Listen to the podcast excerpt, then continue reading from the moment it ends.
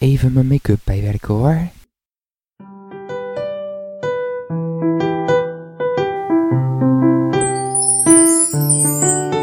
Duik een tunnel in met theorie. Gebruik statistiek of filosofie. Bestudeer gedrag, is dat een slinkse lach? Met een sterke hint kom jij voor de dag.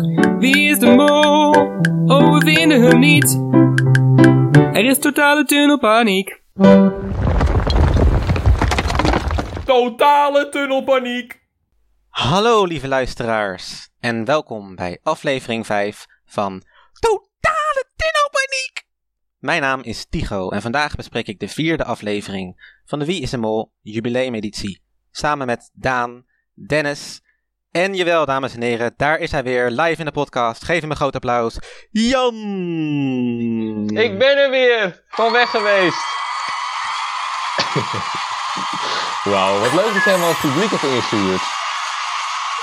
Kijk, staande ovatie, dat wil ik. Dat is een heel extreem.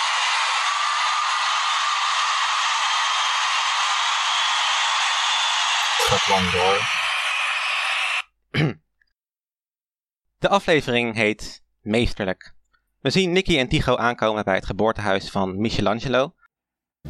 Wie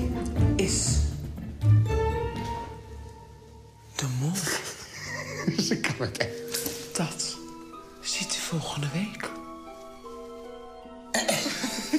Jeroen en Peggy, die overigens echt tip-top gekleed zijn, komen bij het geboortehuis van Leonardo da Vinci. Ze moeten schilderijen van deze beroemde kunstenaars aan elkaar beschrijven, waarna de ander ze moet tekenen. Ron, Ellie en Patrick zijn in het prachtige Florence. In het Renaissance Museum Uffizi moeten zij op zoek gaan naar de schilderijen, die telefonisch worden omschreven door de kandidaten die ze hebben nageschilderd. Op die manier konden ze codes krijgen om een kluis mee te openen. In totaal kunnen ze 2000 euro verdienen. Het lukt Nicky en Tycho uiteindelijk om een kluisje te openen. Alleen het schilderij van Peggy wordt niet gevonden. 1000 euro wordt verdiend in totaal. Ja, jongens, vorige week eindigde natuurlijk met een, eh, een cliffhanger. Was dit nou echt alle spanning en sensatie waard, of was het een beetje een, eh, een anticlimax? Wat vond jij, Jan? Nou, ik vind het wel mooi dat ik daarover mag beginnen, omdat ik natuurlijk vorige week helemaal afwezig was. Dus Ja. ik vind het ook wel verdiend dat ik nu als eerste wat mag zeggen. Het, het viel me een beetje tegen, eerlijk gezegd. Omdat ze vorige week helemaal hadden, nou natuurlijk met die busjes en wordt vervolgd en ook helemaal geen vooruitblik van wat er zou komen. En volgens mij, ze hadden wel zo'n promo op zaterdag of wat dan ook. Er was maar een heel kort shot van Jeroen die wat zei en ook heel onduidelijk. Dus ik had wel verwacht, nou er gaat echt wat gebeuren. Maar uiteindelijk was het alleen maar van ja, ze zaten op verschillende locaties. En ja, Nicky en Tycho gingen schilderen en Jeroen en Peggy gingen schilderen. En die andere drie liepen in, in het museum en dat was het eigenlijk. En het, het afscheid van Horus, dat was ook gewoon een afscheid. Uiteindelijk, een beetje raar dat in een soort van flashback ging. Dus ik vond het een beetje een soort van clickbait of zo-achtig. Ja. Van, we gaan, ja, er, er komt echt een hele twist aan. Er gaan allemaal, er gaan echt gewoon doden vallen. Ik had echt een dubbele executie verwacht. Oh of, eh, dan hadden jullie besproken dat er misschien met die busjes, dat had Daan waarschijnlijk gezegd, dat die busjes bepaalde, dat ze tegen elkaar gingen strijden of zo. Dus ik dacht, ik had het natuurlijk, ik ging het meteen luisteren wat jullie allemaal besproken hadden. En ik dacht van ja, dat vind ik echt wel leuk. En dus daar had ik een beetje op gehoopt, maar dat kwam niet. Nou, dat was mijn eh, mening. En eh, Daan, had jij er ook meer van, van verwacht? Ja, ik had wel echt een beetje iets gehoopt in het trant van 2018, die opening. Ik bedoel, dat ze dat dan probeert te evenaren op een Ja. of andere manier. Maar dit was wel heel karig. Het, het had gewoon heel veel potentie om iedereen uit elkaar te halen. En om dan inderdaad iets te doen. Maar achteraf, ik denk wel dat dit eerlijk was voor alle kandidaten. Want ik zei dat wel op dat moment. Dat ik dacht, ja, misschien eh, worden wel twee mensen geëxecuteerd of Hm. zoiets. Maar dat zou natuurlijk helemaal niet eerlijk zijn. Want dan waren andere kandidaten niet bij de mol op dat moment. En dan hadden ze de test niet helemaal goed kunnen invullen. Dus eigenlijk praktisch gezien had het niet Ja. gekund. Vond jij het ook, Dennis? Ja, ik, ik denk ik ook wel. Het komt gewoon omdat Rick ook heeft gezegd van dat er een verrassing komt. Dus mensen die verwachten nu iets. En, want eigenlijk was dit gewoon, was, het, het was gewoon prima. Ja, Het, het, het, het, het was echt een hele goede aflevering. Het was op zich best leuk dat ze, dat ze die flashback zo hebben gemonteerd. Dat het een keer iets anders is dan normaal. Het was een heel mooi shot met dat die, die, die busjes allemaal een andere kant op gingen. Dus op zich is er niet zoveel op aan te merken. Het is alleen Ja. dat de verwachtingen heel hoog werden ges- geschept. Onder andere door de missende promo. Ja. Door eh, dat statement van, van Rick. Ja, ik vond, ik vond zelf, het was wel heel leuk en heel mooi in beeld gebracht, zeg maar. Dus dat vond ik heel tof gedaan. Maar qua invloed op het spel was het eigenlijk, ja, niks. Het was gewoon het feit dat ze allemaal andere kant op gingen, dat hadden ze niet zo erg hoeven ophypen van mij, zeg maar. Ik wil niet zeggen dat ik er agressief van word, maar ik heb nu wel een beetje van... We zien de, die shot met die drie busjes wegrijden en er komt helemaal niks. Dat is toch eigenlijk ni- niet leuk? Dat is toch eigenlijk gewoon onaardig naar de kijker toe? Ja, We worden, eh, precies, we worden opgehyped en dan komt er niks. Nee. Maar zei dat, dat, dat Rick dus zei van dat er eh, een verrassing komt. Heeft hij dat gezegd over deze aflevering of gewoon in het algemeen over dit seizoen? over dit seizoen. Dat ergens, zeg maar, in het seizoen, zouden we halverwege het seizoen zouden we er ongeveer achterkomen dat ze, dat ze iets verrassends zouden, zouden doen. Maar dat zou dan dus dit zijn geweest, of?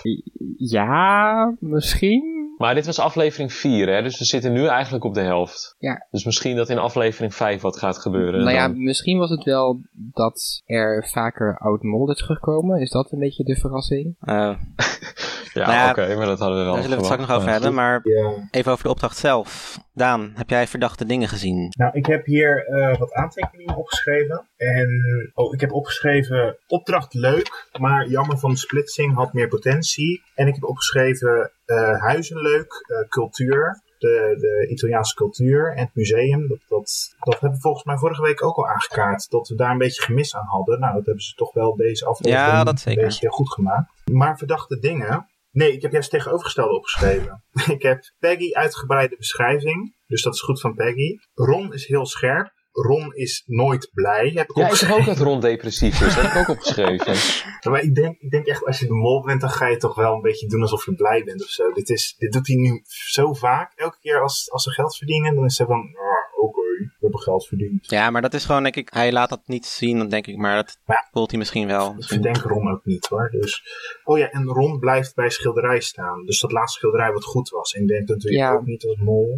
Je kan misschien buigen naar de mol of zo, dat hij het wist of zo. Maar ik, ik weet niet. Ik zou dan denken, dan laat je dat ook niet op beeld zien, dat hij daar stond. Ja, ik kreeg Toch? een beetje gemixte signalen. Want aan de ene kant was hij dus heel raar bezig dat hij dan dat jaartal ging noemen. Dat leek echt op zo'n molactie van, ja, misschien gaan ze dit jaartal wel per ongeluk invoeren in het slot en ze hadden maar één poging. Maar later inderdaad met het schilderij, dat hij dan ook e- echt even blijft, bij blijft staan. Dat is wel onmols, omdat je dan eigenlijk de rest ook aanmoedigt om er ook even te blijven staan. Mhm. Ja.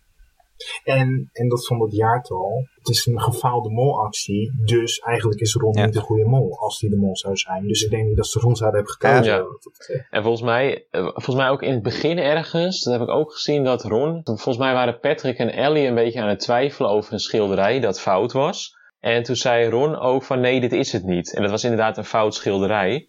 Als mol zou je dat volgens mij ook niet doen. Nee. Dan zou je niet, als de andere twee twijfelen of het wel juist is, en je weet dat het niet goed is, dan ga je niet zeggen van nee, dit is niet goed. Ja. Dus ik denk, eh, Ron wordt een Ja. beetje nu naar voren gebracht als hij doet eigenlijk een soort van alles fout. En daardoor zou hij de mol kunnen zijn. Ja, Maar het is een soort van te opzichtig, vind ik. Ja, maar het ding is, ik heb hier zoveel dingen opgeschreven over Ron die goed zijn. Ron is helemaal niet de mol. Ik snap niet waarom mensen Ron nu echt gaan verdenken. maar bij, bij het schilderij van Peggy ging het uiteindelijk fout. Dus is, het dan, is daar iets misgegaan? Nee, ik denk dat ze gewoon te gehaast door zijn gegaan. Want ik denk dat de mol niet in het museum Nee? zat. En ik denk dat jullie het daar wel mee eens zijn. Ja, ik, ik, ja. ik ben een beetje in totale tunnelpaniek op dit moment, maar Echt waar? daar, Ja. daarover later meer. Jij zit nu op, op Ron of Patrick? Nou, dat, dat laat ik Nou, nog eventjes eh. in het midden. Jeetje, dit wordt wel echt een aardverschuiving dan. Maar ja, maar de mol zat in het museum dus, volgens Ja. jullie. Nee, Of nee. De mol zat... Nee. Ja, ik, ik dacht wel van het is wel de beste molpositie. En wat Daan ook al zei van de produ- productie kon het wel een soort van zelf indelen. Maar ja, moet, moet de mol altijd in de beste molpositie Nee, zitten? Want hoeft we kunnen wel bij elke opdracht kijken van... Dit is de beste Ja. molpositie. Maar als de mol daar altijd in zit, dat is ook... Daardoor ging ik er wel een heel klein beetje twijfelen van oké, is het dan misschien toch Ron?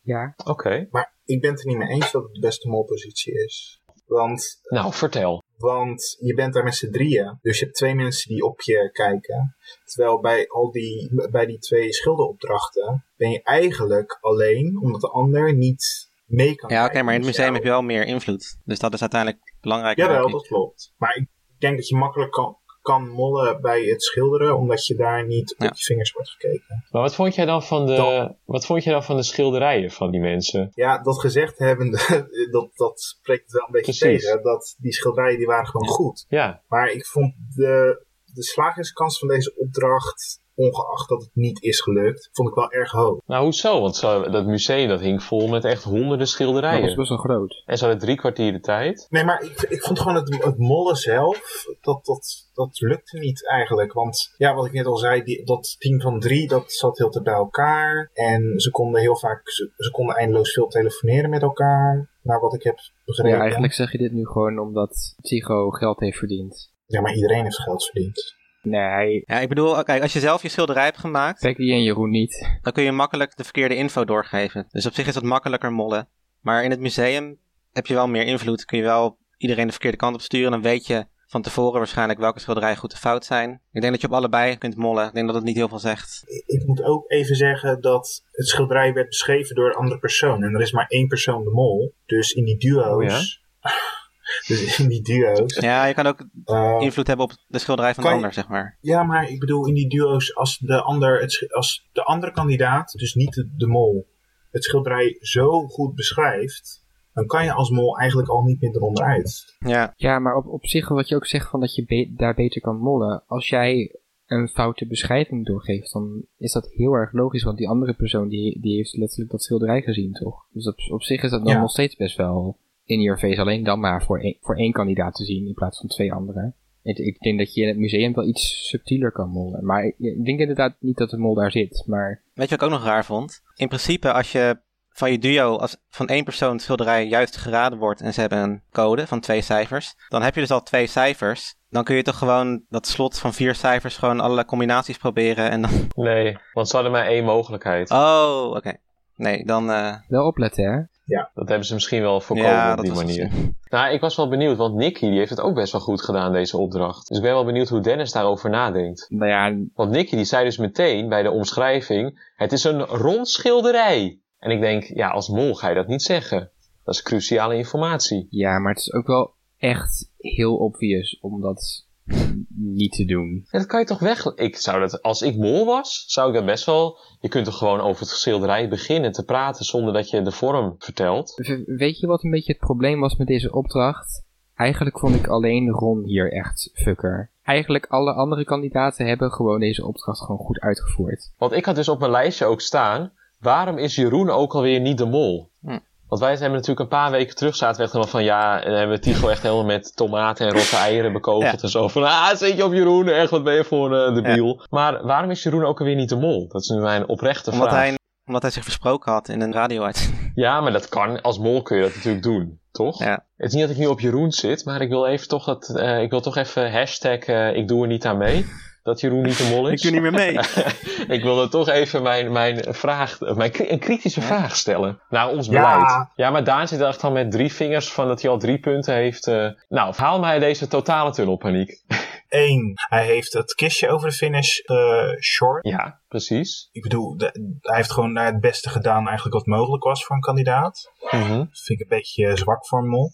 En twee, vorige aflevering was met Ellie en Tigo dat hij expres ging mollen. En dat hij dat dan ook nog eens even tegen Oh, Ellie ja, ja. eh, benoemt. Ja, Oké. vorige aflevering was hij wel een beetje... En ik vind hem nou niet echt eh, in heel veel andere opdrachten slechte dingen doen hoor. Maar bijvoorbeeld Kees Tol in 2013, toen die stal toen die foto dingetjes uit de kontzak van Tim Haas. Ja. En dat ging hij toen meteen delen met Carolien Borgers volgens mij. Maar dat was ook omdat zij het gezien had. Ja. Dus op zich, ja, dat was niet echt een mollenactie mis- misschien. Maar een mol kan wel misschien zijn mollenactie delen met iemand anders om een soort van vertrouwen Nou ja, dat, dat, deed hij toen, dat deed hij toen omdat hij kweken. bang was dat zij het inderdaad gezien had. En dan zou het heel erg opvallen. Dus daarom maakte hij er een soort van iets van, van oké, dit heb ik gedaan hierom en zo.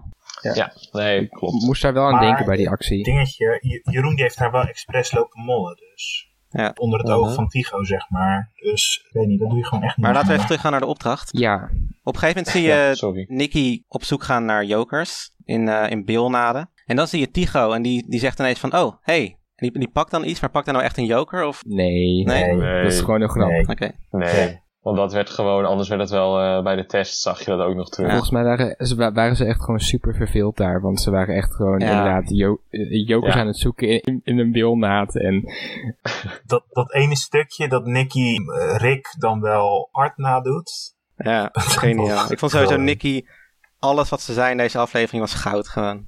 Spot on. ja, klopt. Ik weet nog, ik heb in eerdere afleveringen gezegd dat ik eh Nicky en Ron echt een gouden duo vind. Maar eigenlijk Nicky en Tigo, dat is ook gewoon echt een heel leuk Ja. duo. Dat zagen we nu ook wel weer terug. Ja. Nou, dan eh, Mag ik nog even mijn, mijn observaties opnoemen? Ja, hoor. Nou, ten eerste, de opdracht, toen het begon, toen gingen ze dus natuurlijk die schilderijen maken, hadden ze drie uur de tijd. Ik dacht echt van, hé, hey, opeens weer een opdracht waarbij ze drie uur de tijd hebben. Dus ik was echt helemaal van, wauw, dat is net zoals vroeger.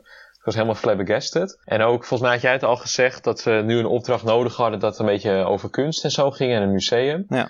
Ik vond het ook wel echt een beetje voor de worldbuilding of zo, deze opdracht. Dat je een beetje, ja, echt die renaissance met die, met die kunst, Italiaanse kunstenaars en zo.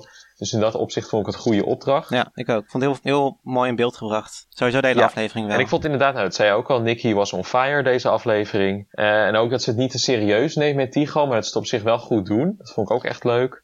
Ja, en inderdaad dat Ron zich een beetje buiten de groep zet. Dat viel mij ook op. Hij, weet- inderdaad dat hij een beetje een soort van, niet per se depressief, maar hij loopt er een beetje bij van, ja, ik, ik, ik heb alle de last van, mijn wereld, van de wereld op mijn schouders. Ja. Zo liep je er een beetje Maar bij. was- later werd hij jarig en Ehm, toen... En ook, want dat vond ik ook wel weer leuk aan Ellie. En dat vond ik ook wel weer gek. Nou goed, ze gingen dus bellen. Dus Peggy ging volgens mij Patrick bellen. En toen zei Peggy iets van, oh Patrick, je bent er nog. En als ik kandidaat was, dan zou ik echt meteen helemaal hysterisch gaan gillen van, wie zijn er nog, wie is eruit? En zo, en dat, dat gebeurde niet echt. Ik dacht echt van, dat zou ik meteen, dan, screw de opdracht, ik wil weten hoe het zit. Dat, dat vond ik een beetje raar bij Tigo, want die hadden dat dus wel. Dat ze ook echt gingen vragen van, ja, maar wie, wie zijn er nog? En toen later in dat stukje op het terras eh, deden ze weer alsof ze het niet wisten. Terwijl, Ja. Tigo en, en, en Nicky, die wisten, wisten het wel, want die, die zaten in de tweede auto. klopt. Dus die wisten al dat eh Becky en Jeroen door waren, want die hebben eerder een scherm gekregen dan hun. Inderdaad, want Peggy die reageerde toen wel Oh, verrast. tuurlijk, ja. Maar wat mij opviel Ja. was dat Tigo die reageerde eigenlijk pas in de biecht. Die zei toen in de biecht van, eh, oh, eh Horry eh, is eruit. Dat vind ik erg jammer. Ja, die noemt iedereen. Ik weet nog dat hij Owen Schumacher in seizoen 2014 noemde die Owie. Dus hij had voor iedereen zo'n koosnaampje. Ja, Peggy noemt hij Peggy. Maar eh, dat zei hij pas in de biecht. Dus dat vond ik dan wel weer verdacht, zeg maar. Terwijl Peggy die reageerde on, on the spot, zeg maar. Peggy reageerde wel echt van, mijn mond Ja, precies. Ja. Ja, ze zat, zat, zat dus blijkbaar op Horus. Maar wat, wat vonden jullie van eh, Ellie, die weer lekker to the point kwam? Dat eh, volgens mij Nicky en Tigo, die waren helemaal aan het gillen van wie er allemaal aanwezig Ja. En toen zei Ellie iets van, van we moeten door. Of eh, we moeten deze opdracht even serieus gaan doen. En dat bewaren we wel voor later, die momenten. Nou ja, op zich, we weten nu dat ze niet te mol is. Dus, eh, Nee, maar ik vond het Oh. gewoon leuk. En ook dat, oké, ja. Dat Nicky een uitleg gaf en dat Ellie keihard zei van stop maar. Ja, En dat ze al wisten wat ze moesten doen. Ik vind het zo jammer Ja. dat Ellie eruit is. Ja. Heeft zulke mooie opmerkingen. Opdracht 2. Lastig omdat je denkt, hé, was dat nou echt of was dat nou... Nee, dat was nep, dat was nep. En dan vervoer, nog een keer. Denk, potverdorie, ja, dit wordt nog lastiger dan ik dacht. Follow the money. Er valt maximaal 2250 euro te verdienen. De kandidaten staan op Piazza della Signoria, een plein in Florence. Ze moeten een koffer met geld in de gaten blijven houden, die spionnen steeds op subtiele wijze verwisselen met andere koffers. Kandidaten splitsen zich op en houden contact met elkaar via porto's, wat op zich vrij goed gaat, dus die eh eterdiscipline van Ellie is goed doorgekomen. De duo's zijn Peggy en Ellie, Tigo en Nicky, Jeroen en Ron en Patrick zat in zijn eentje. Warempel! Het lukt ze om de koffer te volgen en Rick haalt er 2250 euro uit. Maar om die te krijgen moeten ze eerst vertellen welke drie oud-mollen er ook nog rondliepen op het plein. Helaas wisten ze Dennis Wening, Patrick Stoof en Klaas van Kruisem niet te herkennen en leverden deze opdracht niets op. Nou, eh, wie vond jij verdacht in deze opdracht? Ginger. Eh, Dennis. Nou, eigenlijk, ik denk dat ook Daan gewoon af en toe in mijn hoofd zit of zo, zeg maar. eh, tijdens zo- zo'n opdracht. Want ik vond dus Tigo eigenlijk best wel verdacht, eh, deze opdracht. Oh, ik niet. Ik wel. Ja, nou ja, door. nou, ik, ik, ik wel. Aan de ene kant dacht ik dus van, als je iets fout doet met het koffertje, is dat niet verdacht. Omdat, ja, dat, dat, dat koffertje boeit niet. Het, het, het gaat om die oud-mollen. Dus Maar boeide dat koffertje niet? Zat in elk koffertje geld? vol- ja, dat, dat weet ik niet zeker. Maar vol- volgens mij boeide dat koffertje niet zoveel. Dus eigenlijk, Oké. eh, dus eigenlijk iedereen die echt molt bij dat, bij dat koffertje, dat, dat, dat is gewoon afleiding. Nou ja, als ze niet de juiste koffer hadden, dan hadden ze, hadden ze sowieso geen geld. Dus, Nou, dat weet ik dus niet. nou ja, dat lijkt me wel, denk, toch? Dat denk ik niet. Want waarom moeten ze anders het koffertje in de gaten houden? Ze kunnen het ook gewoon zo spelen dat in elk koffertje in principe het bedrag zat Ja, uiteindelijk. Want het ging, het, het ging erom dat ze de mol, of die mollen, zouden spotten. Maar dan ging dat hele stuk dus helemaal nergens over, dus. Met de koffers. Dat z- maar dat zullen we nooit weten, want dat zullen ze ook nooit bevestigen. Nou, of in de ontknoping bevestigen ze dat. Nee joh, dat was de hele opdracht weg. Dat, dat, dat vond ik dus dan zeg maar niet verdacht bij mensen. En dat waren onder andere Tigo en eh Becky die dit wel deden. Maar eh, Tigo deed wel, toen hij een fout maakte, dat er een switch was geweest die mensen niet hadden opgemerkt. Ja. Was het wel dat mensen dan zich nog meer gingen focussen op, op die koffertjes. En dus niet op de oud-mollen. Dus daardoor vond ik hem juist wel verdacht. Ja. En bij, Ah, bij, het, en bij het kiezen vond ik het ook wel echt zo'n typische mollenactie om dan zeg maar eerst één fout door te drukken. Dus John van Eert, zo van, oh, twee mensen noemen die. Nou, dan, dan moet dat wel zo zijn. Ja. En dan als laatste toch nog even Dennis Wening noemen. Want dat was dan een goede optie en dan ben je toch nog iets minder verdacht. Want je hebt toch één goed iemand gezegd. Maar da- daar heb ik even een hele opmerking over. Want in dat koffertje zat 2250 euro. Dat is op zich een best wel apart bedrag. Dat bedrag is deelbaar door 3. Dat is 3 keer 750. Zou het zo zijn dat ze per juist geraden mol 750 euro zouden hebben gehad? En als dat zo is, dan is Tigo juist weer niet verdacht. Want die noemde Dennis Wening. Kijk, Patrick zei Dennis Wening. En toen ze een beetje een soort van samenvatting van welke drie namen gaan we noemen. Toen zei Tigo echt van, oké, eh, Dennis Wening. En toen wel volgens mij twee andere namen. Maar als mol zou je dan toch helemaal geen juiste naam wil doorgeven. Dus het ligt er een beetje aan van hoe het geld verdiend zou maar dat, dat, dat wordt gewoon niet gezegd. Dus eigenlijk ga ik er een beetje van uit Nee, dat, precies. het, dat, het, dat het wel Dus zeg een maar... beetje zo van Schrödingers eh, kat. Of hij is verdacht en niet verdacht tegelijkertijd. Maar ik vind het wel een leukere theorie, want dan zou Nicky het meest verdacht zijn. Maar Ja, maar Nicky deed sowieso heel raar met, dat- met die namen noemen. Ja, Margriet? dat is Jan? waar. Ik bedoel, die noemde gewoon alle... Ja, ze zijn nog net niet eh, goed. Ga door. Alle mollen die er niet waren, die heeft ze genoemd. Even kijken, welke namen waren er te sprake? Want inderdaad, kijk, Patrick Margriet, zei Dennis Jan. en, en eh, Ellie zei Klaas. En Margriet kwam te sprake en John. Dan heb je de vier. Ja, die, die waren Toch? van Nicky. En Jan, toch? Of had je nee, die Jan? al? kwam helemaal op het Volgens mij einde. kwam Peggy met John van Eert als Ja. eerste. Ja, Peggy ja, dat kwam klopt, met maar John dat, van dat, Eert. dat doet er even niet toe. Het gaat even om Tigo nu.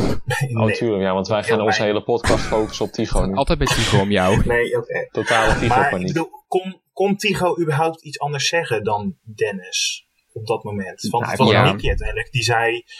Mag ik even? Ja, ik- sorry, ja? Ja, het, het was Nicky die uiteindelijk zei dat, dat het Jan was in plaats van Dennis. Dus Tigo kon eigenlijk niet een andere naam noemen. Hij, hij kon nog Margriet noemen. Die was ook al eerder genoemd. Nee, Margriet was al genoemd. Het was, het was Margriet en John die al genoemd waren.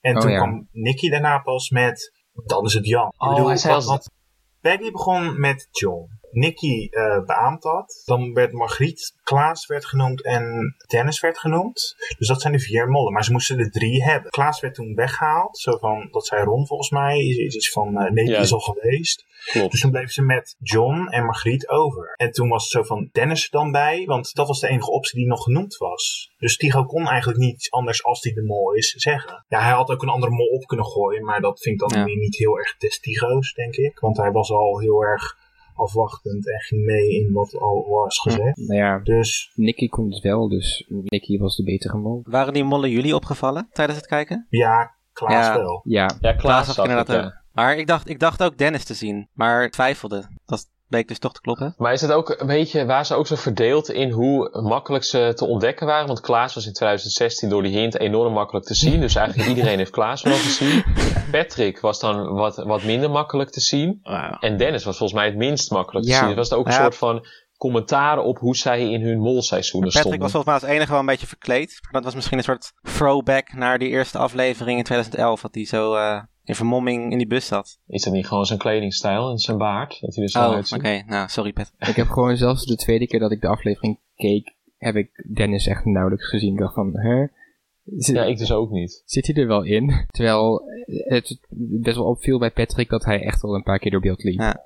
Dat was echt heel duidelijk. Ik wil wel echt even zeggen dat dit een van de allerleukste opdrachten was. Of tenminste de leukst bedachte opdrachten ooit was. Want het hele idee is dus van follow the money, dat leidt je naar de mol. Dus dat leidt je naar het succes. Maar in dit geval was het eigenlijk dus niet het succes. Ja, Nee, want eigenlijk is die, die hele theorie is ook al super achterhaald. Dus het is eigenlijk een soort van, van shade naar, naar de theorie follow the money. Van, dit, het heeft gewoon geen zin Ja. meer, jongens. Ik vind het heel leuk dat ze dit hebben verwerkt in een opdracht. Helemaal een diepere laag zit dat erin. klopt. Ja. Maar aan de andere kant vond ik het ook een beetje zo van, ja, er zit weer eens naar die koffers te kijken. En dan uiteindelijk maakt het niet uit. En dan denk je van, oh, ze hebben eigenlijk heel veel geld verdiend. Maar dan wordt het voor de mol toch weer heel makkelijk om gewoon wat verkeerde namen te noemen. En dan is er weer geen geld. Ja, dat wel. Maar het, gaat even om de metafoor. geloof. Ja, klopt. Daan is een keer positief, oké? De- e- Eventjes. Ja, ik vond dit echt heel goed bedacht. Maar zou er echt niemand in die groep zijn geweest die, Jeetje, Daan, wat ben je die dacht positief. van, hmm, misschien moeten we wat beter om ons heen kijken of zo? Zijn ze er toch weer ingetrapt? Ja, maar ik denk dat verwacht je ook niet, toch? Nee, maar ze Nee. zijn wel de hele tijd op hun hoede voor jokers en dat soort dingen. Maar die, die twists, die komen wel steeds terug ook in elke opdracht. Van, oh, als jullie wat beter hadden opgelet, dan... eh, Ja, maar volgens mij kun je dat niet echt voorspellen. Je kan niet bij elke opdracht 100% op je kivive zijn. mm, ja, klopt. En je weet niet wanneer het komt, waar het komt. Dus ik snap wel dat ze dit ook niet hadden bedacht. En ik had zelf ook niet bedacht. Ik, bedoel, ik zag Klaas wel, maar ik dacht, oh, misschien is dat wel gewoon een lookalike van Klaas of zo. Nou, ik had wel inderdaad, ik zag Klaas en toen was ik de rest van de opdracht bezig met andere oudmollen zoeken. Maar Nee, zover was ik helemaal niet. Ik ging, ging echt, trouwens echt helemaal stuk toen Rick de opdracht aan het uitleggen was en er opeens zo'n duif op dat balkon vloog.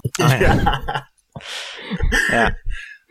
Oh, dat moet ik ook even zeggen. Ik vind, eh, vorige week zei ik ook al dat die opdrachten heel leuk geïntroduceerd waren. Omdat het niet was van, hey, de, eh, de kandidaten staan aan de ene kant en Erik aan de andere kant en die legt de opdracht Ja, uit. Hier ook met een En duif. dit keer, en ook met die vorige opdracht, was het, Mhm. werd het geïntroduceerd op een andere manier. Ik vind echt filmisch, vind ik dit echt een heel, heel goed seizoen. Ja. Want toen begon, bij die vorige opdracht, toen begonnen ze al te schilderen. En daarna pas kwam de intro en de leader en Ja. zo.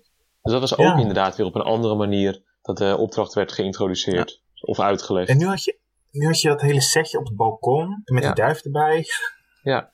Ja, dat vind ik ook. Dat vind ik leuk. Ja. Wat vonden jullie wat er met de mollen werd gedaan? Want ze liepen daar en het was een beetje van... Oh ja, hey Dennis, oh Klaas, hey Ja. eh, Patrick. Nou, doei. Dat was het Ja. een beetje. Dat, dat, ik, vond het, ik vond het inderdaad wel een beetje zo van, ehm, nou oké, nou gaan we weer naar huis, doei. Want in de eerste aflevering, of ja, in de eerste aflevering met die vijf andere oudmollen, die hadden echt een rol. Die gingen echt een verhaal vertellen Ja. en advies geven. Die hadden echt een rol in de opdracht. En dit was een beetje van, nou ja, eh, dag.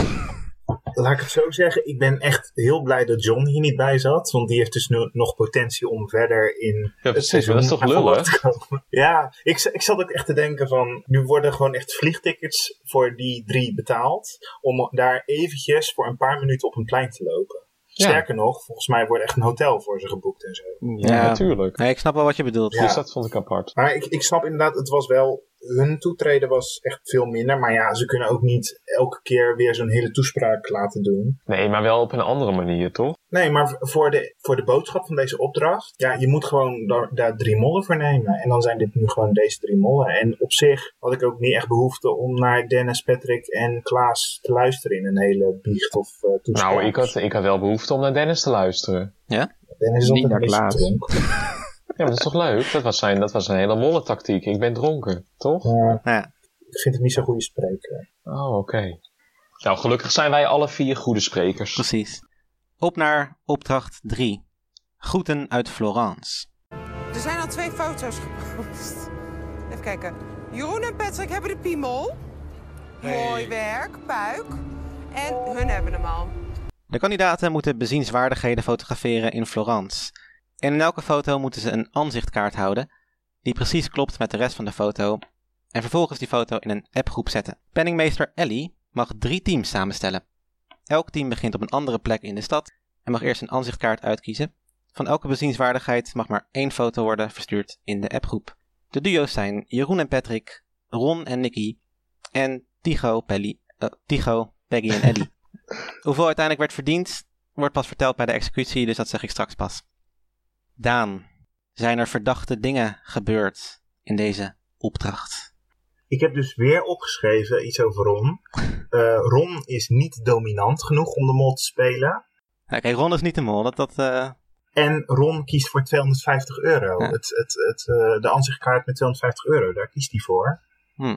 Ehm, dat vind ik ook echt niet-mols. En Peggy, die heeft dat ook gedaan. Ja, die twee die staan wel echt aan top in de rangschikkingen. Maar als je dit er even bij houdt, dan snap ik niet waarom. Ook Pe- Peggy rent ook heel de tijd. Die gaat ook heel snel heen en weer en dergelijke. Er zit echt heel veel tempo achter. Dus dit is meer zoiets van, nou, die streep ik verder weg. En ja, dan blijf ik toch weer over met uh, Tigo. Heeft iemand anders dan Tigo nog iets verdachts gedaan volgens jou, Dennis? Ja, Nicky natuurlijk. Nicky, ik bedoel, dat, dat was echt ook gewoon het team wat het minste geld heeft opgehaald. Nicky was heel erg aan het vertragen. Ja, maar deze niet te obvious. Nee, want op zich, het was niet alsof Ron heel veel sneller ging dan Nicky. Het was, hij ging, ja. Nee, maar ik bedoel, het viel wel heel erg op dat ze dan zei van, oh, ik moet nog even mijn make-up doen en zo. Ja, maar dat, dat, dat kan... Ik, ik, ik vind het niet heel raar. Dit is wel gewoon heel erg uh, in character voor Nicky. Ja, nee, maar daarom. Het is, het is hoe, hoe, ze is, zeg maar. Maar als mol is het wel heel erg in your face, zeg maar. Ja, dat kan toch? Ja, dat zou kunnen. ik zie echt, ik zie echt een gevecht hier komen, hoor. Dat kan toch? Wat zul je nou? Ik, ik, ik, ik, zie echt gewoon het, het, het probleem niet van in-your-face ja. molacties. Maar an, nog andere verdachte dingen? Nou, nee. Ik ga even mijn make-up doen, oké? Okay? Oh, oké. Okay. Nee, dan wacht even.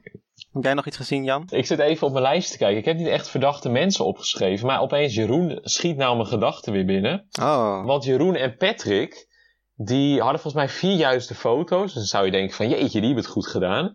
Maar het waren wel, ze pakten heel vaak de 50 euro. Ja. En je had dus voor de andere groepen, uh, had je dan dezelfde ansichtkaarten, maar dan was het 50, 100 of 250. Dus als je de 50 euro pakt, betekent dat dat je voor andere mensen de 250 euro eruit pakt. Dus op zich als mol kun je best wel het doen lijken alsof je erg je best doet. Je hebt veel foto's, 50 euro gepakt. Maar uiteindelijk zorgt het ervoor dat die 250 euro voor andere groepen niet gepakt kan worden. Dus ik dacht, als mol wil je dat misschien ook doen. Dus dat bracht mij weer een beetje richting Jeroen. Maar ik zit niet, ik zit niet op Jeroen. Nou goed, daar komen we straks met de competitie op. Maar dat vond ik wel leuk om te noemen. En ook nog, want ik zie dat Daan al met zijn vingers zie dat hij wat wil zeggen. Patrick en Jeroen. Ja, ik wil gewoon even tussendoor zeggen dat dat team van Tigo, die heeft ook 250 gepakt. Ja, maar die hadden ook uh, 250. Ja, oké, okay, die hadden ook. Dus... Ja, maar dat was, dat was van Peggy, want Peggy heeft dat. Ja, maar Peggy is de mol, dus dat kan niet. Dat is uh, fake nieuws, wat jij nu vertelt. Dus, maar goed. maar um, wat ik ook nog wel lekker in de tunnel allemaal, zeg. Ja, wat ik ook nog even wil, wil mededelen is dat Patrick en Jeroen allebei hetzelfde spijkerjasje aan hadden. Ja. En is dat de tweelingenhint? Want we hadden volgens mij vorige week over de tweelingenhint. En dat was Thomas Kammaert was dat al. Zijn er is twee het een mollen? throwback naar die tweelingenhint? Maar dat had ik misschien in mijn hintrubriek even moeten behandelen. Maar ik wou het even nu alvast zeggen. Oké. Okay. Ja, nou verder uh, leuke opdrachten. En ook leuk dat uh, Nicky en Ron weer een team zijn. En dat, is, uh, dat Ron zegt Asterix en Obelix. Obelix, dat vind ik ook wel leuk. Ik vond het ook heel leuk dat Jeroen en Patrick in de carousel gingen. Ik vond echt wel gewoon de hele teamverdeling van Ellie best wel opmerkelijk. Ja? Want Ellie die stopt gewoon haar twee bondjes, stopt ze in hetzelfde team. Terwijl je zou denken van, ja, ze kan toch elk bondje in één team stoppen en dan zelf in het, zelf in het andere team gaan, zodat je alle informatie hebt. Maar blijkbaar hou, houdt Ellie gewoon van goede tv en moest ze gewoon Nicky en Ron in één duo stoppen. Dat werd erin gefluisterd, denk ik. Nee, maar ik denk dat Ellie er niet heel goed over heeft nagedacht. Want daarna was het zo van, oh, maar in welk team ga jij, Ellie? Oh, ja, wacht. Ah. Dat is niet zo'n goed idee eigenlijk. En toen zat ze van, ah, dan ga ik bij Peggy en Tigo. En ik denk dus dat ze op Peggy zit. Of zat. Maar goed. En hebben ze, hebben ze ook nog wat gedaan met die plattegronden op de achterkant van die ansichtkaarten? Ja, dat team van Ron en Nicky wel, volgens mij. Oké. Okay. Die uh, hadden op een gegeven moment dat gevraagd aan een uh, voorbijganger. En toen uh, hebben ze dat dus inderdaad omgedraaid. Dus ik denk dat ze dat wel offscreen hebben gedaan hoor. En wat ik trouwens ook nog, ook nog opviel, want natuurlijk van seizoen 20 waren best wel wat dingen uitgelekt. Vanwege social media en dus dat de mensen foto's maakten. Maar ik ben nu best wel benieuwd waarom nu niks is uitgelekt. Want bijvoorbeeld nu liepen ze dus in een dorp met heel veel mensen. En ik denk als Nicky daar loopt, dus een grote vrouw met helemaal onder de make-up en zo. Ik bedoel, dat is best wel een soort van bezienswaardigheid. Dus ik verwacht best ja. wel dat er misschien een een of andere conservatieve Italiaan loopt die denkt van wat, wat gebeurt hier nou? En dat die daar een foto van maakt. En dat, ja, die heeft misschien geen social media omdat hij conservatief is. Nou, ik, ik weet niet of het Ga je dat zomaar doen? Als, als... Nee, maar ook misschien... Kijk, ze heeft natuurlijk iets van 18 miljoen abonnees of 30 miljoen abonnees op YouTube. Daar zitten vast wel een aantal mensen die in Florence wonen True. bij. Dus ik, eh, ik vind het best wel bijzonder dat er eigenlijk niks uitgelekt is. Terwijl ze best wel onder de mensen zijn. Ja. Maar Jan, Ja. ehm, met de achternaam. Ja. Jij woont, jij woont in welke stad? Ik woon in Amsterdam. En ik ben heel veel... Ja goed, ja? Maak je zin af? Kom jij wel eens bekende Nederlanders tegen? Ik kom regelmatig bekende Nederlanders tegen. En dat deel ik dan ook met jullie, wie ik ben tegengekomen, als het Wie is de Mol kandidaten waren. Dat weet ik. Maak jij dan ook foto's van die kandidaten of filmpjes? En ga je die dan online Nee. verkondigen? Maar dat ligt misschien ook aan mijn persoonlijkheid. Want Maar er zijn wel mensen die dat doen hoor. Precies, want ik heb ook bijvoorbeeld Margriet van der Linden zag ik een tijdje terug. Oh, die krijg je- Eh, ja, ik ga niet een heel verhaal houden, want dat wordt allemaal veel te lang. Maar ik zag Margriet van der Linden in, de, Veender- in, de, in het centrum. En toen wilde ik echt tegen haar zeggen, ik vond je een leuke mol. Ook nog, ik heb ook wel eens andere... Maar je mag niet liegen. Nee, maar ik vond haar een leuke... Kijk, jij haat Oh, ja, iedereen, maar ik vond haar echt wel een leuke mol. Ik vond het dominant en zo, dat vond ik echt leuk. En toen wou ik echt... En het was ook helemaal niet druk of zo. Het was gewoon in een zijstraatje in het centrum. En zij stond daar volgens mij met een vrouw of de vriendin. Bij haar huis ook. En ik liep er langs met een andere vriendin. En ik had echt de neiging om dat te zeggen. Maar ik deed het niet, omdat ik dan toch misschien een beetje verlegen ben om dat te zeggen. Maar ik denk, er zijn heel veel mensen die dat wel doen. En die misschien wel foto's maken. Dus, nou goed, dit is dus mijn... Zo kom ik weer terug op dat punt. Je hebt toch ook een keer iets tegen Simone, Simone Wijmans gezegd? Iets Ja, van, maar- eh, spank me daddy! Dat, eh, goed. Ja, oké. Dus, maar dat was dus ieder. Ik, had dus, ik vind het gek dat er niks uitgelekt is. Dat is de conclusie. Verder nog iets over opdracht 3? eh? Nee? Oké, dan ehm, de executie. Die ging eigenlijk best wel snel. Een eh, rood scherm voor Ellie. Oh ja, eerst werd nog de uitslag van de derde opdracht gegeven. Ze hadden 1350 euro kunnen verdienen en ze verdienen uiteindelijk 600 euro. Omdat ze niet naar de verste locaties gingen. Nou, en Ellie heeft dus een rood scherm. Ja, Ja, jammer. Goh, ja zeker jammer. Maar is het onverwachts eigenlijk? Of... Ja, Nou ja, ik zei vorige week dat ze de winnaar zou worden, dacht Ja. ik. Dus in dat opzicht is het onverwachts. En ook wel omdat zij het eerste was die een scherm kreeg. En dat gebeurt niet vaak, dat de eerste een rood scherm krijgt. Dus het was op zich wel een shock in dat opzicht. Maar ja, goed. Jammer. Maar vonden, vonden jullie het niet opvallend dat de uitslag bij de executie werd gegeven? Hoeveel geld er was verdiend en zo? ja, ik snap ook niet echt waarom. tijd te winnen, denk ik. Had ook niet echt meerwaarde. Misschien moest Ron, of eh, Ron, misschien moest Rick wat anders doen of zo. Dat hij dus de opdracht had uitgelegd en dat hij toen eh, een massage had of zo. En dat hij eh, pas bij de executie er weer bij was. Maar wacht even, gaan we het nog over verdenkingen en dergelijke hebben? Want daar zijn er best wel van, eh, een hoop van. Zijn jullie nog dingen opgevallen bij de verdenkingen? Daan? Nou, hé, wat een leuke vraag. Dus Patrick die zit te twijfelen over Peggy. Omdat Peggy eigenlijk deze aflevering niet zoveel verdachts heeft gedaan. En daar moet ik hem gelijk in geven. Maar dan gaat hij opeens Ron verdenken. En hij niet alleen, want Peggy zit ook op Ron. Vraagteken. En Peggy moet natuurlijk op een nieuw mol, omdat Horace haar hoofdverdachte was. Dan zit Nicky ook op Ron. Maar niet echt, heb ik opgeschreven, want het is meer zo'n knipbiecht erin gemonteerd is, lijkt het. Zij zegt dat ze op Ellie en Jeroen zit. Dat durf ik ook nog een beetje te betwijfelen, want waarom is ze dan door? Omdat ze de mol is. Ellie zegt dat ze niet op Tigo en Jeroen zit. Ron die zit op drie. Nicky, Peggy en Ellie. Tigo zit op Peggy opeens. Terwijl die voorheen zei dat hij op Jeroen Ja, maar dat is, Ellie dat, dat, dat is wel logisch. Want hij zegt van ik zit op Peggy en Ellie. En hij heeft, vorige week heeft hij Jeroen afgeschreven op basis van zijn slechte netmol-actie. Dus toen zat hij nog op Ellie. Dus nu heeft hij weer een extra verdachte erbij genomen. Want waarom zou je nu al op één persoon gaan? En dat is Becky geworden omdat hij die het meest verdacht vindt. Ja, maar waarom is Peggy opeens hoofdverdachte geworden? Dat is uit het niets Ja, gekomen. hij moet toch iemand Want Bij kiezen? die, bij die schilderopdracht eh, zat eh, Tigo niet bij Peggy. En opeens bij die, eh, bij die tweede opdracht was Peggy opeens Ja, zijn maar mol. hij heeft toch, bij- bij de vorige aflevering heeft hij toch Jeroen al af, afgeschreven bij, eh, bij zijn netmol-actie. Dus dat, dat, Ja, was de zou eerste Ellie toch, aflevering. dan zou Ellie zijn hoofdverdachte moeten zijn. Dit, is niet, dit valt niet te rijmen, Dennis. Jawel, want het is gewoon logisch eigenlijk bij hem. Nee, dit is niet organisch. eh, Het is veel organischer dan basically alle andere kandidaten. Maar Daan is niet meer te redden, jongens. Ja, hij is echt totale tunnelpaniek. en Den- Dennis Ja, ook nou, ik, ik, ik vind Tigo best verdacht, maar ik bedoel, ik ga, het, ik ga niet alles dan zo draaien dat het, dat het al- allemaal op Tigo slaat als mal. Hoezo draaien? Ik bedoel, het is gewoon echt niet logisch. Nee, ja, ik vind het wel echt gewoon gedraaid naar... Alsof het verdacht is, Nou. maar het is echt niet verdacht. Het is mega verdacht. Maar jongens, ik, ik, ehm, jullie zitten allemaal in een tunnel, maar ik weet het zelf echt totaal niet meer. Wie nou de mol is. Dus Jan, heb jij misschien nog hints die mij kunnen redden?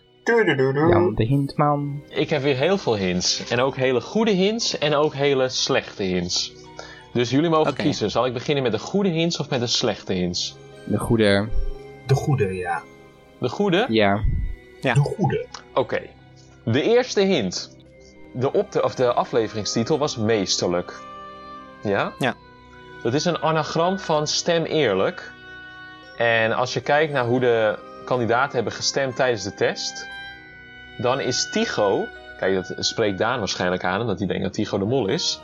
Dan is Tycho de enige die dan of, eh, zichtbaar een testvraag op zichzelf inzet. Oh, Want die stemt volgens mij in welk groepje zat de mol bij dat opdracht 3. En dan stemt hij dus op Peggy, Ellie en Tycho. En hij stemt waarschijnlijk dus vanwege Peggy op die, dat antwoord. Maar hij stemt ook op zichzelf daarmee. Dus is hij dan degene dat de mol nu eerlijk gestemd heeft? ja, want ik vond meesterlijk wel niet echt een meesterlijke titel. Het sloeg eigenlijk alleen op de eerste opdracht. Omdat het over die ja, Italiaanse meesters ging die dus eh, die schilderijen hadden gemaakt. Je kan ook bedenken dat de mollen de meesters zijn of zo. Dus de oud-mollen die voorbij komen. Ja. ja. Wil je ze zoveel credits geven? Ja, misschien lag er nog ergens een lijk. een meesterlijk. Ja, dat had allemaal gekund. Eh, Dennis, heb jij er nog input op? Op die hint? Nee. Nou, dan gaan we door. Nee, hij leidt niet naar Nicky, dus... eh, Dit vind ik ook een hele goede. Ja, dit, ik, dat goede moet je ook, is af en toe een beetje ironisch. Dus dat is misschien toch een Oh. slechte hint. Maar het zou zomaar een echte hint kunnen zijn. De schilders, waarvan ze dus bij opdracht 1 schilderijen gingen maken. Dat waren Michelangelo en Leonardo da Vinci. Dus Ja. dat is ML. En wie had als enige een rond schilderij? Oftewel de O. Dat was Nicky. Nicky de Jager. M-O-L. Oh. Oh, ja. kijk. Dat is het, jongens. Dat is het. Nee, maar eh, kijk, jullie, kijk, Daan lacht nu wel een beetje en Dennis maakt er ook wel een beetje eh, van, nou, het is niet echt serieus. Nee, en nee, vindt ik het vind ook het niet wel echt- echt- Oh, je vindt het wel goed, Ja. Ik zie dit oprecht nog wel terugkomen bij de ontknoping van, maar u had al lang al kunnen weten wie de mol was, aan de hand van deze hints. En dan verwacht ik echt dat zoiets er misschien wel tussen zit. En, maar ik, ik, ik zou het ook echt een leuke hint vinden, eigenlijk. Niet een Ik leuke ook. hint. Wel. Oh wel, maar ik Ja. dacht dat je heel negatief over deze hint was. Nee, nee. Ik, ik, ik zou dit, als het een hint zou zijn, zou ik het echt een leuke hint vinden. Oké, nou goed, mooi. Volgende, dat is van het wieisdemol.com forum. Dus die ga ik die mensen ook even bij forumnaam noemen. Want het, die credits verdienen ze wel, omdat wij natuurlijk van het, dat forum zijn. Eh, de eerste is van Ah. Sorry? Wat zei je? Nee, Oh. niet. De eerste is van Brudum, oftewel BRTDM, wat een beetje een moeilijke naam is om uit te spreken. Oké, maar goed, tijdens de test, als de mensen de testen maken, dan zie je af en toe dat ze een bepaalde testvraag invullen. En dat is natuurlijk altijd, die vraag is genummerd. Als je die nummers, het zijn natuurlijk 20 vragen altijd, dus je kunt elk nummer kun je relateren aan een seizoen. En als je dus het nummer dat je ziet relateert aan dat seizoensnummer, en dan de kandidaat die daarbij hoort die nu meedoet, Ehm, dan zijn het tot nu toe alleen nog maar. Of dat zou, dat zou dan een soort van afvallerstheorie zijn dat de nummers die je ziet, hoort bij seizoenen waarvan de kandidaten afvallen. Dus tot nu toe heb je volgens mij eh, Natja, Tina, Ron, Ellie, Peggy en Tycho gezien. Die dus daarmee als afvaller kunnen zijn. Nou goed, Natja, Ellie, Ti- Tina en. Oh, Horace is nog niet geweest. Die van zijn dus al afgevallen. Dus dat zou betekenen dat eh, Patrick, Jeroen of Nicky de Mol is. Is het, is het een logische uitleg? Of is het een, De- snap je ik dacht de dat deze al weg was. Sorry? Het, het- dat, was toch wel, was die dat was toch al dat Ellie eigenlijk debunked? de aflevering eerder moest afvallen toen Horus afviel. Nee, nee, het was dat het dan voor degene die zou afvallen in die aflevering. Maar dat is inderdaad debunked. Maar alsnog geldt het nog steeds als als je gewoon allemaal op een rijtje zet en niet per se dat het, die, die persoon die aflevering moet afvallen. Dan kan het nog steeds. Maar goed, dan moet je altijd wel in een aantal bochten wringen om het toch nog... eh, wat heb je er dan uiteindelijk aan? Want dan op een gegeven moment dan, dan zijn alle afvallers dus weg en dan zit je al in de finale, dus dan weet je sowieso welke drie er overblijven. Nee, want het kan bijvoorbeeld nu zijn dat bijvoorbeeld Patrick afvalt of Jeroen. Dus dan weet je weer van, Ja. oh ja, dus, en die komt dan misschien in de volgende test, komt dan bijvoorbeeld vraag 8 in beeld. Dus dan weet je, oké, dat slaat op Patrick, want die deed in seizoen 8 mee. Die valt dan misschien af en dan geldt het nog steeds. Ja, ik ben nooit zo van de afvallerstheorieën en dan misschien valt die af en misschien die. Dat, ja. Ja, nee, ik, eh, ik, ik, deel, ik, ik, ik deel het gewoon even met jullie. Oké. Maar Daan zit al heel lang met zijn vinger omhoog. Dus hij moet of naar de wc of hij moet even wat vertellen. Je mag gaan, Daan. Oké. Nummer 1 of nummer 2? Goed, ja. ja. Kijk, dit is, hetzelfde, dit is bijna precies hetzelfde als die afvallerstheorie in 2011. Ja, maar het is een jubileumseizoen, dus alle hints met komen de terug. test. Ja, maar dat, oh, nee. Dit is ook wat ik vorige week, dit is wat ik vorige week zei. Mensen zijn gewoon geneigd om precies in hetzelfde eh, vakje, hokje te denken als voorgaande jaren. Dus daar zoeken ze dan weer iets in. En dit is weer een afvallerstheorie die weer slaat op de testvragen. Dat doen ze niet. Sterker nog, ik denk dat ze dit hebben bedacht, de makers. Dat ze dachten, hé, het is misschien leuk om dit erin te verwerken of zoiets. En mensen gaan dan denken, en dan rond aflevering 5, 6, 7 of zo, dan opeens slaan ze helemaal om en dan, oh nee, deze theorie is debunked. Ja, dan heb ik nog een hint van een lid van het wieisdemol.com forum. Meld je vooral aan op dat forum. Dat is van Mollevanger Art. Hey. Die heeft een hele leuke Nico. hint gevonden. Nico heet hij. Als je dus Rick... De hint heet Nico? Hij heet Nico, ja? Ja. Goed. Als je dus het intro-praatje van Rick... Nou goed, daar heeft hij dus een verhaal. Als je dus in aflevering 1 de eerste letter pakt van wat hij uitspreekt... in aflevering 2 de tweede letter... in aflevering 3 de derde letter... in aflevering 4 de vierde letter... dan krijg je dus H-A-O-R. Want hij heeft dus gezegd, het is bekend. Nou goed, dat, dat boeit allemaal niet. Maar dan krijg je dus. H-A-O-R. En tot nu toe kan het nog steeds de achternaam Boshart maken. En Boshart heeft acht letters. En dus dat zijn acht afleveringen. En je hebt nu al vier letters van die naam. Hoe spel je Boshart precies? B-O-S-Z-H-A-R-D. Oké. Dus dat zou een hint kunnen zijn. Ik dacht eerst dat je echt een foute grap ging maken dat die A een andere letter was. En op zich, nee, ja, Daan, voordat jij het helemaal weer af gaat branden. Bijvoorbeeld in aflevering 3. Hoe begon Rick toen zijn verhaal? Hij begon zo. Groen vloeibaar goud. Wat best wel een rare manier is om je verhaaltje te beginnen. Dat is toch niet echt. Ja, ja. Dat, is een beetje, dat is een beetje zo van. Het is dom veel raden. Al dagen omrand ik de vee. Dat is een beetje dat John van Eert manier van praten. Ja, maar trouwens, je had natuurlijk ook de opdracht Sleutelbos. Was er ook een opdrachttitel met hart? Of, Oh, nou dat komt misschien nog. Hard gaan of zo. ja, dat, dat moeten we even in de gaten houden dan. Maar goed, Daan brandt, brandt het maar even helemaal af. Dit is dezelfde theorie als, of dezelfde hint als vorig seizoen met dat M-O-L-R op die straatnaambordjes. Maar dat was een hint, toch? Dat was een hint, maar dat gaan ze toch niet nu nog een keer zo gebruiken? Dat je de eerste letter moet gebruiken van een zin of een woord of zo, dat je die dan achter elkaar moet plakken. Ja, maar is dat niet al vaker voorgekomen? Ook dus in 2020, maar ook een, jaar, een paar jaar daarvoor of zo? Nou, dat, als dat zo zou zijn, wat volgens mij niet zo is, dan zou het nog minder sterk Ja, zijn. maar dan heb je misschien wel dat ze dat juist... Dan zit het... Nou goed. Ik denk dat we gewoon eh, doorgaan naar de slechte hints. Eh, maar dit waren dus de goede hints, maar het wordt nu al helemaal afgebrand. Oh jee. Dit is niet echt een hint, maar het is heel veel YouTubers die hebben dat gezegd. Dat Nicky dus Rob riep tijdens opdracht 2. Maar goed, ze, ze, ze roept roep. Ze riep roep. Ze riep geen, ze riep geen Rob, ze riep roep. Dus goed, daar kunnen we gewoon even overheen gaan. Maar ik denk dat moeten we wel behandeld hebben, want het is wel een heel groot ding. Maar dat is allang al debunked. Maar Ik ga trouwens wel lachen als er dan uiteindelijk een van die slechte hints daadwerkelijk een hint blijkt te zijn. Ja, dat, dat zou natuurlijk kunnen. Maar wat ik nog wil zeggen, want er zijn natuurlijk ook dus voor die YouTubers die hebben dus dat, eh, dat ze Rob roept. Er zijn al mensen die hebben gezegd van nee, ze roept gewoon roep. ze roept gewoon roep. Maar er zijn toch nog bepaalde, bepaalde mensen die zeggen van ja, ze kan toch nog Rob hebben geroept. Geroepen. Ge, Jezus, geroepen. dus, maar dat klopt helemaal niet. Want als je gewoon, gewoon de context van hoe zij dat zegt en de mensen reageren ook helemaal niet op wat zij zegt. Dus dat, ze roept gewoon roep. Ja. Goed, slechte hint. Bij opdracht 1 eh, moeten Nicky en Tycho schilderijen namaken. En die schilderijen heten de Heilige Familie, want het is een bepaalde soort of type schilderijen. En is het een verwijzing naar de Heilige Mol-familie? Dus is Nicky of Tycho de Mol? Nee. Nee. Volgende hint.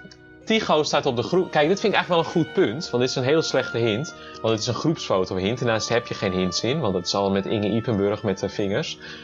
Oh, Tycho staat erop ja. met een M. Zo, of die, die beeldt zo een M ja, uit. die heeft gewoon aandachttekort. dat is waarschijnlijk geen hint, omdat Inge Ipenburg natuurlijk al dingen uitbeelde op de groepsfoto. Maar stel dat Tycho dus de hint is zoals Daan denkt, is het dan, dan zou het dus wel een hint zijn? Of is het gewoon Tycho die van, hey, ik doe even leuk. Ja, maar en- dat- voor, voor, mij, voor mij is dat eigenlijk het grootste argument tegen Tycho, omdat die hints zo obvious zijn. Precies. Dus ga het, ga het eens maar even ontkrachten nu, Daan, eh, achternaam. Ik denk, ik denk dat Tycho het een beetje probeert te... Hoe zeg je dat?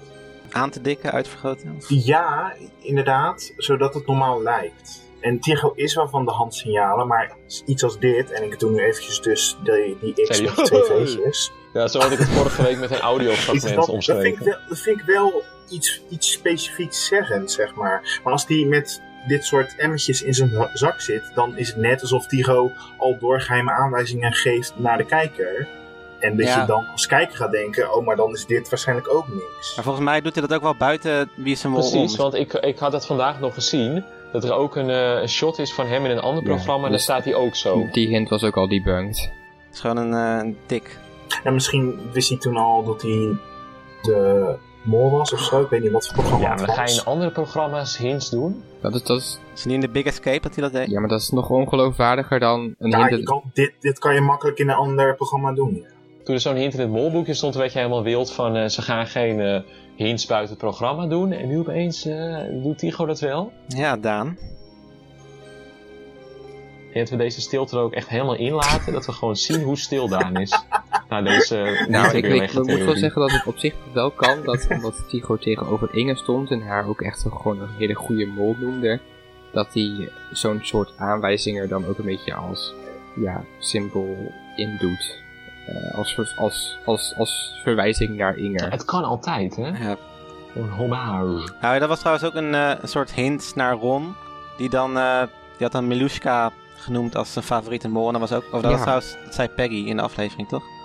Ze verdacht Ron omdat, hij, omdat Milushka was, haar, was zijn favoriete mol. En die speelde ook altijd een dom iemand. Ja. En ze ging niet dezelfde fout nog een keer maken. Nee, klopt. Ja, dat, dat, dat vond ik wel een leuke verwijzing ook. Dat ze dat nog even zei. En dat, dat ja, Goed, volgende slechte hint. geen zin in. Ron die wilde dat Nicky een foto van hem maakte bij opdracht 3, bij die Pinocchio.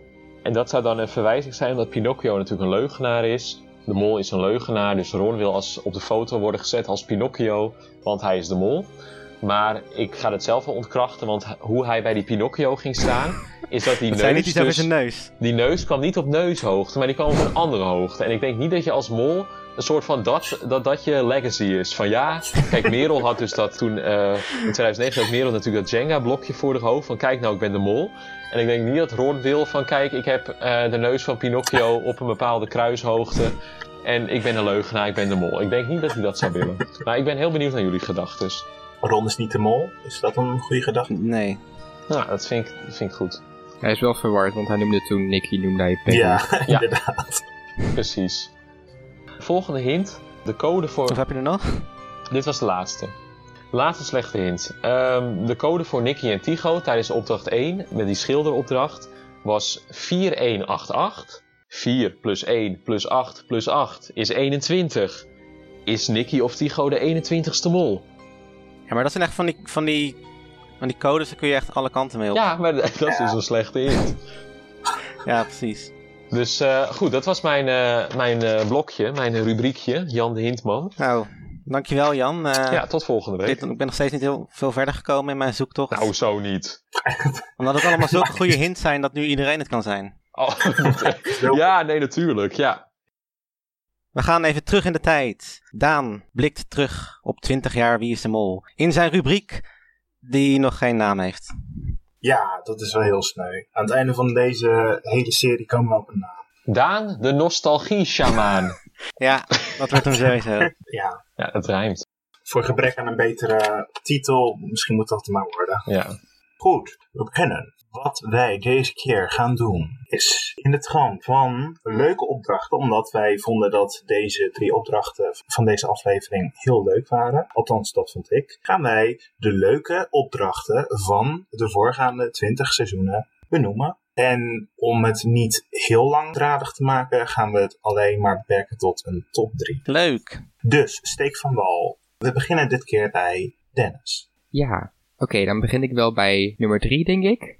Oh, dat is spannend. Ja, dat is, dat is extra spannend. Dus ja, mijn nummer drie die ik heb genoteerd is het Geldcircus uit 2018. Oh ja. Het was een opdracht dat ze in een circus een kaartenhuis moesten bouwen. En er opeens allemaal clowns tevoorschijn kwamen. Dat ze opeens tijdens die opdracht nog weer allemaal mini-opdrachtjes kregen. Er kwamen ballonnen waar dan in één ballon geld in zat. Ze moesten stoelnummers zoeken. Olje die verloren nagel. Er gebeurde zoveel. En ik vond het gewoon echt heel cool dat er een soort van mega chaos ontstond in een vrij simpele opdracht. Ja. Dat vond ik echt wel een, eh, een, een top opdracht waarbij ik dacht van, dit zit heel goed in elkaar, het is heel grappig. Er zitten allemaal kleine opdrachtjes in. Dat zijn sowieso ook gewoon leuke opdrachten waarbij superveel deelopdrachtjes zitten. Ik weet nog dat Art helemaal glunderde toen hij die opdracht... eh, Ja, ik bedoel, Art had echt een toprol als eh, circus eh, omroepman, of hoe, hoe noem je dat? Oh, die opdracht. Ja, die opdracht.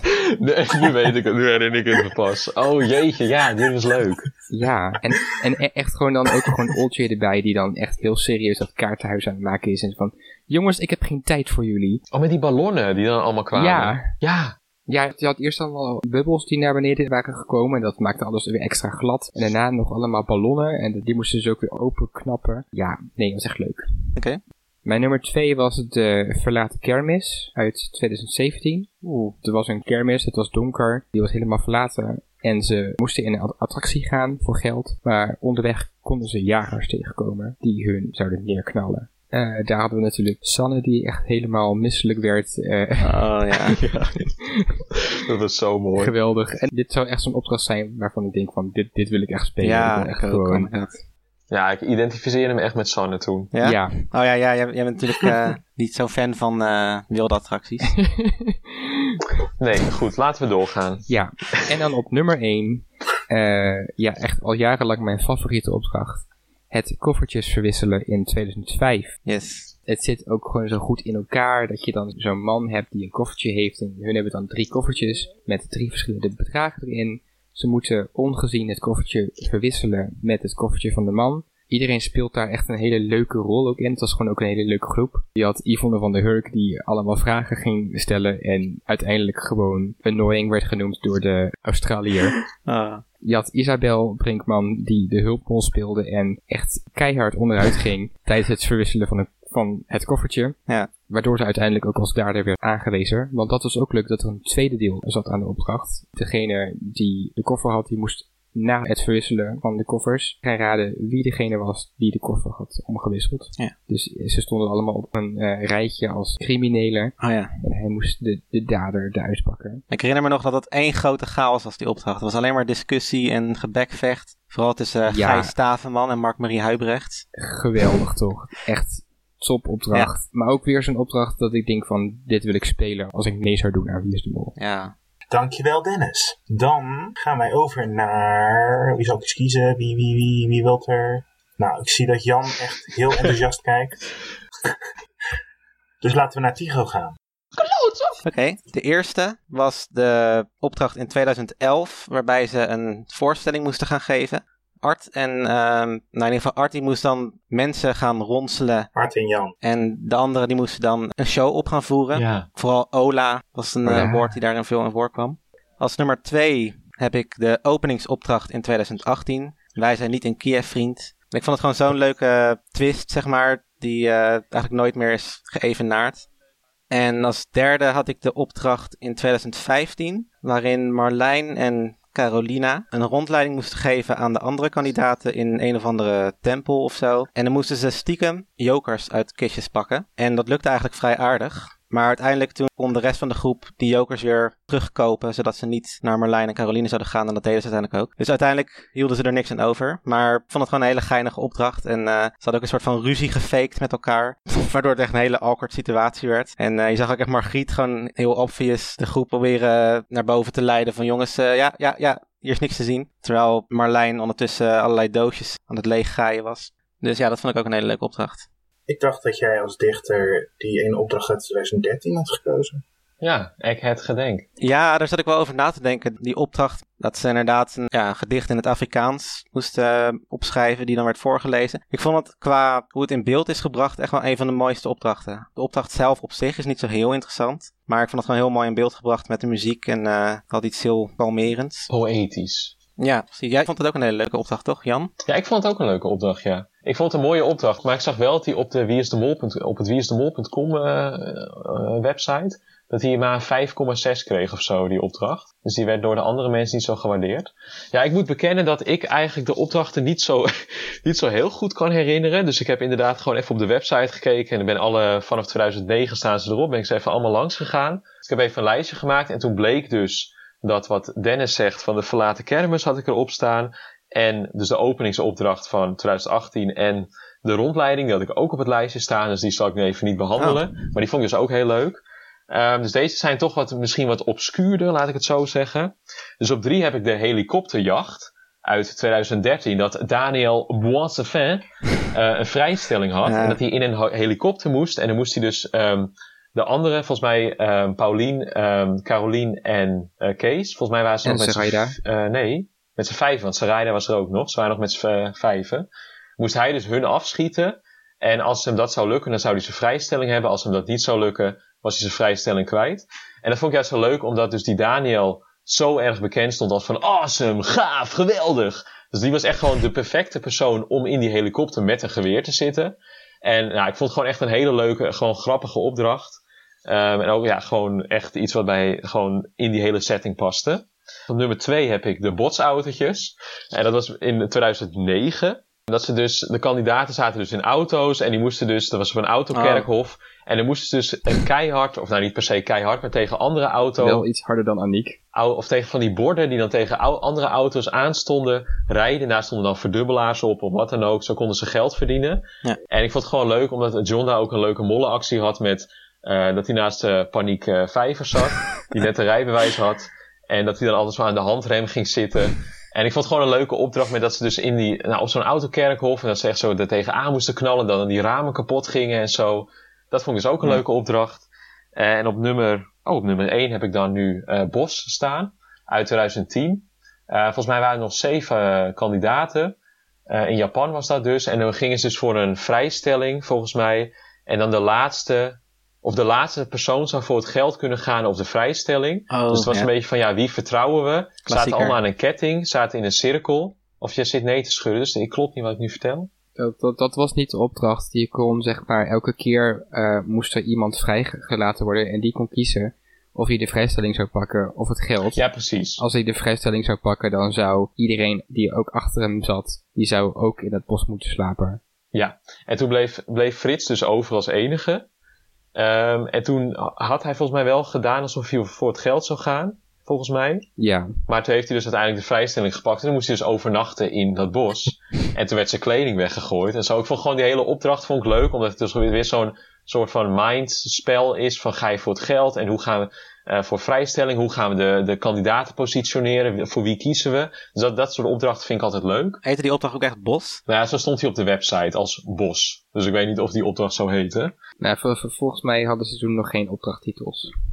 Ah. Nee, dus een bos bij deze. Vrijstellingenbos, laten we het zo noemen. Maar zou zo'n opdracht nu nog steeds eh, goed tot zijn recht komen, denk je? Deze opdracht? Ja, als het nu in dit seizoen Ja. weer zou gebeuren. Zou er dan weer echt eh, een, een soort frictie gaan ontstaan in de groep? Of, want het is nu allemaal heel gezellig en zo, maar... Ik denk in deze groep wel omdat, eh, dat dat zou kunnen ontstaan. Omdat deze groep heel fanatiek is. En die weten ook van elkaar dat ze fanatiek zijn. En, en, dat ze elkaar de ogen uit kunnen krabben in principe. Maar ik betwijfel of dat echt bij elk seizoen zo zou zijn geweest. In 2016 bijvoorbeeld, waarin ze echt met elkaar liepen tongzoenen en dergelijke. Kinderen maken met elkaar. Letterlijk, met die eieren en eh, Ik taken. denk niet dat dat zou, zou, eh, ga- zou gaan gebeuren, zeg maar. Nou Daan, vertel ons even waarom onze meningen niet goed zijn en die van jou wel. Nou, ik, ik moet wel zeggen dat jullie over het algemeen een goede smaak hebben. Oh, top. Er zijn wel een paar opdrachten vergeten en ook een beetje door mij. En ik kan ze niet allemaal noemen. Maar ik zal er even drie noemen, gewoon die ik zelf wel leuk vind. En sowieso mijn favoriet zal ik ook benoemen. Op nummer drie heb ik het Reuzenrad in Belfast in 2009 heb Ja. ik gezet. Oké. En dat komt eigenlijk vooral omdat ik John's Mol actie daar gewoon heel leuk vond. Dat hij het hele bord ging onderkiederen en dat Aniek Vijver toen naar buiten kwam. En dat ze het helemaal, Die arme Aniek. dat het gewoon niet van dat. eh, Oh. Dat was, echt, dat was heel leuk. Maar ik vond het ook een leuk opgezette opdracht. Hij is eigenlijk in de es- essentie heel simpel. Omdat je alleen maar twee goede connecties moet maken. Maar ik vind doordat het, het reuzenrad erbij te betrekken, wordt het wel heel groots gemaakt. Weet je, ik bedoel, tegenwoordig eh, kan je het veel simpeler maken. En dan ga je gewoon in een weiland staan of zoiets, bij wijze van spreken. En dan moet je gewoon duo's maken daar of zo. Maar nu dachten ze, nee, we gaan lekker een reuzenrad erbij betrekken. Nou, dat vind ik heel leuk. En ook de macht, zeg maar, die is de Mol lijkt te hebben over de omgeving. Nu lijkt het echt zo van, Piet Jan die was daar dus en die beheerst gewoon dat hele reuzenrad daar. Alsof al die landen, zeg maar, de wil opdragen van Wie is de Mol, van Pieter Jan. Dat vind ik heel leuk. Ook bijvoorbeeld in 2017, die, die eerste opdracht met die brug of zo. Dan moesten ze daar vrijstellingen vinden. Oh ja. Dat Ja. je dan denkt van, nou, die hele stad, die, die staat stil, zeg maar. Of dat hele verkeer rond die brug, voor Wie is de Mol. Dat vind ik heel leuk bedacht. ja. Of dat kunstmuseum in Florence, hebben ze ook even afgehuurd. Ja, dat valt nog een beetje te betwijfelen. Maar Maar dat reuzenrad hebben ze toch ook gewoon voor misschien twee uurtjes afgehuurd. En dat, dat is er dan toch? en met het idee dat, dat Pieter Jan dan zegt, stort nou je hele wereld in. Ja, nee, het idee dat Piet Jan dan zegt van, oké, en nu ronddraaien of zo, verder draaien. En dat hij dan gewoon zo'n gebaar geeft. Dat, dat vind ik gewoon heel leuk. Oké. Ja, dat zijn gewoon de magische powers van Pieter Jan. Ja. Die kan het gewoon Ja. allemaal met zijn handen. Ja. En in het algemeen, als ze gewoon een heel groot ding afhuren voor een opdracht, dan vind ik dat al heel erg speciaal. Mijn tweede favoriete opdracht is het maisveld in 2008. En dat ja, dat heeft eigenlijk ook een beetje te maken met het idee dat ik het zelf ook zo graag zou willen spelen. Dus dat je daar in een maisveld met allemaal jagers bent en dat je dan vlaggen moet claimen of, eh, of vrije zones moet gaan claimen. Dat je vlaggen daarvan af moet halen en dat je dan weer terug het veld in moet rennen. Terwijl er twee andere kandidaten op een toren staan aanwijzingen te geven en je te behoeden voor de jagers die dan met rode vlaggetjes achter je aanrennen. En tegelijkertijd zit je met een enkel band met een belletje eraan, zodat de anderen je kunnen horen. En het is allemaal, eh, ja, dat, wil ik ook gewoon spelen. Maar waarom heb je dan niet eh, die opdracht uit 2012 gekozen? Dan hadden ze ook in een soort doolhof. Toen viel die Annemarie Jung nog of zo. Toen hadden ze ook zo'n soort opdracht. Waarom heb je daar nou niet voor gekozen, Daan, achternaam? Daar heb ik niet voor gekozen, omdat dat was heel anders opgesteld. Die kandidaten gingen één voor Oh, één erin. En nu was het echt met z'n drieën erin. Het was gewoon echt actie al door. Verschillende functies ook. Dat vind ik ook heel leuk in opdrachten. Dat die Edo en Joris, die stonden boven op de toren. Die gaven de aanwijzingen aan. Dan had je team 1, die moest de zones vrijstellen. En team 2 moest het geld binnenhalen. En bij dat ene doolhof was het gewoon iedereen die moest de doolhof in. En die moest weg eh deinzen voor de jager. En die moest een envelop pakken en er weer uit. Ja. Want we hadden 2012 nog niet gebashed in deze aflevering. Dus ik dacht, dat probeer ik er nu nog Ja. even in te, in te fietsen. Oké, en dan de nummer 1 opdracht is Holland Village in 2010. Echt waar. Ja, dat is echt waar. Dat was gewoon heel filmisch leuk opgezet met eh villains en dergelijke. Japanse villains dan wel te verstaan. Maar het was tot dusver wel echt de meest filmische opdracht ever van de Mol. En dat vind ik gewoon heel mooi in elkaar gezet. En het is ook heel leuk in elkaar gezet dat kandidaten afvallen en dergelijke. Dus dat. Alright. Leuke keuzes. Ik wil jullie graag even bedanken voor jullie bijdrage. En eh, we zien jullie bij het volgende blokje. En dat is het blokje van Dennis Topaz. Welkom bij de competitie. We gaan eerst even kijken, want we zijn nu ongeveer halverwege. Dus we kijken heel eventjes Ja. terug eh, naar de tussenstand. Want Oh, ben benieuwd. eigenlijk zijn er Oh. nog maar twee dingen echt gebeurd. En die dingen zijn beide gebeurd bij Jan. Zoals niet.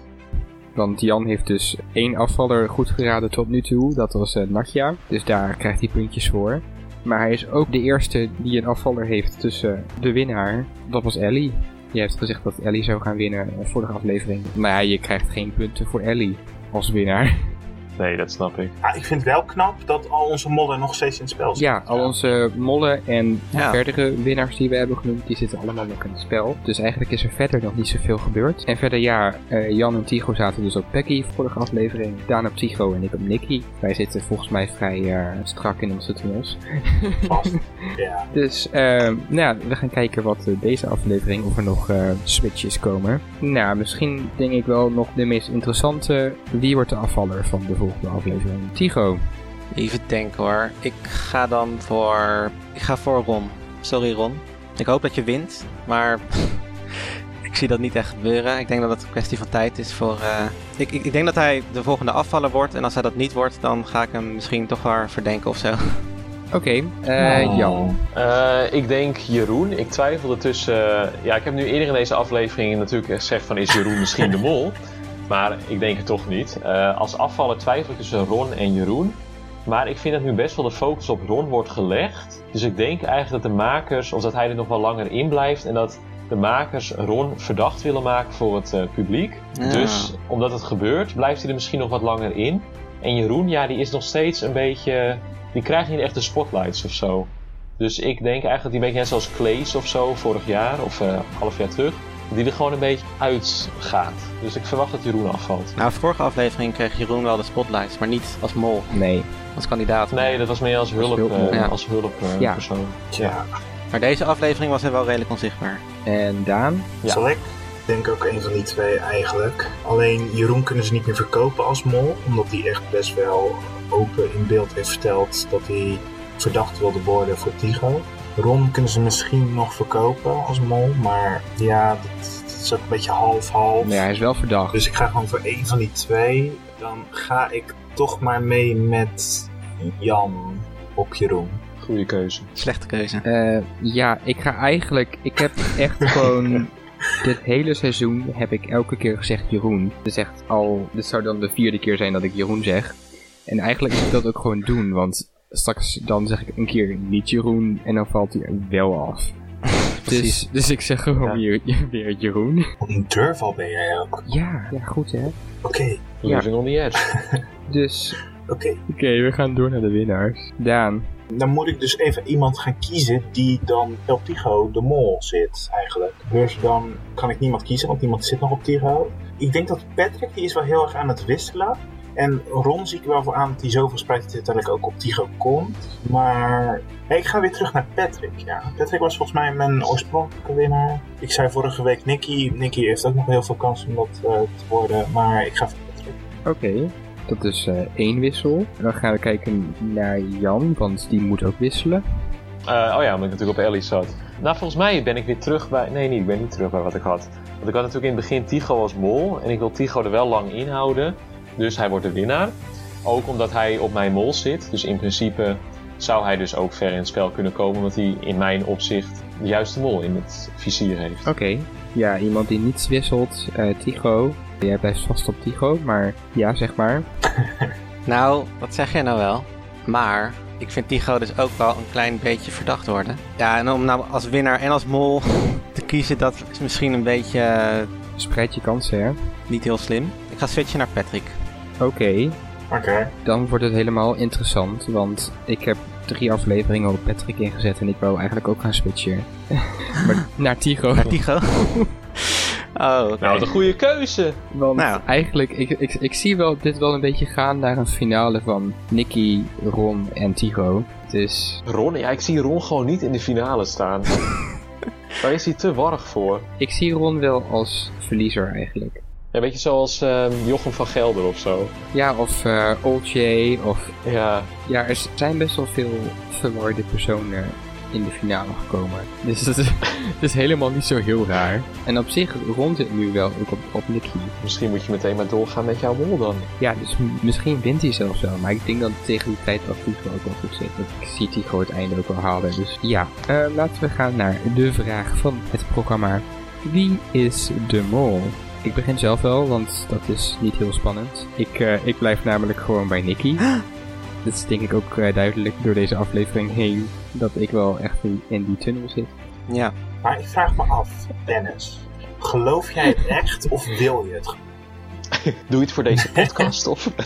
Nee, maar ik denk dat het meer een wensmol is van jou, net als Nathan dat vorige keer was. En ik weet niet of je het echt, echt, echt gelooft. Ik geloof er wel in. Maar ik heb inderdaad wel, wat ik zei van dat ik bijvoorbeeld Tigo in opdracht 2 echt wel verdacht vond. En dat ik op momenten Ron ook wel echt verdacht kan vinden. Dus het is niet alsof ik inderdaad helemaal blindelings denk dat het Nicky 100% is. In deze competitie moet je met, met vertrouwen moet je ergens voor gaan. En nee, ik heb nu al drie afleveringen op Nicky ingezet. Dus ik ga eh, vol vertrouwen ga ik door op Nicky. Oké, alles wat je nu net zegt, dat wijst erop dat, je, dat, dat Nicky gewoon echt een wensmol van je is eigenlijk. Oké, nou, Bedankt voor het antwoord. in ieder geval, ik ga gelijk naar Daan, want dat is ook duidelijk. Yay! Nou, de mol is natuurlijk Jeroen. Sure. Nee, jongens, echt, de mol is zo Tigo. Ja, je bent helemaal van overtuigd. Ik ben zo blij dat nog maar een paar procent van Nederland dat al weet. En eh, deze aflevering heeft het alleen maar meer bevestigd eigenlijk, dat Tigo de mol is voor mij. Oké. Dus jongens, dat is het antwoord op de vraag. Roll credits. Oké, Tigo, zit jij nog eh, in je Peggy-tunnel? Nee, ik begon dus in de Jeroen-tunnel. Daar was ik helemaal van overtuigd. Toen ging ik naar de Peggy-tunnel. Daar was ik ook helemaal van overtuigd. En nu eh, sta ik ergens buiten tussen verschillende tunnels. En zit ik een beetje om me heen te kijken van help, welke moet ik nemen? Ik ben in totale tunnelpaniek. Ja, ik ben eigenlijk van Peggy afgestapt omdat zij zo verdacht werd gemaakt. Wat eigenlijk best wel vreemd is, eigenlijk als je erover nadenkt. Dat ze zeg maar proberen om haar verdacht te maken en dat ik haar daarom dus niet meer verdacht vind. Maar deze aflevering was ze niet verdacht. Nee, deze aflevering was het minder inderdaad. Maar vorige aflevering werd ze zo vaak genoemd dat ik daarom ben gaan twijfelen. En ja, eigenlijk denk ik nu ook meer richting Tigo. Dus eh, Daan, ik eh, denk dat ik maar voorzichtig aan in jouw tunneltje bij kom. oké, dat laat ik toe. Jan, wat denk jij? Kijk, het is gewoon een beetje afstrepen. Dus ik heb gewoon Ron afgestreept, Jeroen afgestreept, Patrick afgestreept en Nicky eigenlijk ook. Nou, dan hou je Tigo en Peggy over. Bij Tigo heb ik nu ook weer deze aflevering. Ik denk van ja, ik vind hem niet echt qua geld, vind ik hem toch best wel ja, dingen binnenhalen. En Peggy, ja, het is meer van Peggy, ik kan niet echt hoogte van haar krijgen of zo. Ze, ze doet niet echt, ja, ze doet wel dingen, maar ik weet niet, het is een beetje zo'n middenmoot figuur. Dus daar denk ik van ja, zij kan het zijn, maar ik zit dus eigenlijk elke dag, als ik 's ochtends wakker word, denk ik van het is Tigo, nee het is Peggy. En ik heb ook een beetje dat ik heel erg door, ik word ook wel door jullie beïnvloed natuurlijk. En ook wel door dingen die ik lees en die ik kijk en vooral Daan. Maar goed, zijn track record is niet heel goed, maar... ehm, nee, maar ik heb dan gewoon, dan zegt hij weer van Tigo, of Ti- Tigo en dan noemt hij weer dingen op en denk ik van ja, dat klopt ook alweer. Ja. Ja, ik, ik, ik ga gewoon voor Peggy nu. Maar goed, in de app heb ik mijn punten ook over hun verspreid. Maar ik zeg Peggy gewoon en daar kan je me op vastpinnen. Peggy. Dus ook wel fijn voor mij dat ik dan niet met drie Tigo-verdenkers in één podcast zit. Precies, gewoon Ja. Peggy, hup. Ja. Nou, zou zien dat ik volgende week op eh, Jeroen zit of zo. En volgende week dan switch jij weer naar Tigo en dan switchen wij weer naar Peggy. Ja, zullen we dat afspreken? Dan kan ik toch weer even op Tigo zitten. Oké, nou dat was het voor de competitie van vandaag. We gaan zien eh, wat er van klopt. Alright. Nou, dan was meteen het einde van deze podcast voor deze week. Dank jullie wel. En ook dank aan alle luisteraars. Volgende week zijn we er uiteraard weer. En dan bespreken wij hoe Ron molt op het strand door de teen van Patrick te pletten. Hoe de kandidaten belaagd worden door Chinezen. Oh ja. Hoe Patrick en Peggy rondjes draaien. En hoe Nicky en Tigo van de radar verdwijnen. Tot volgende week.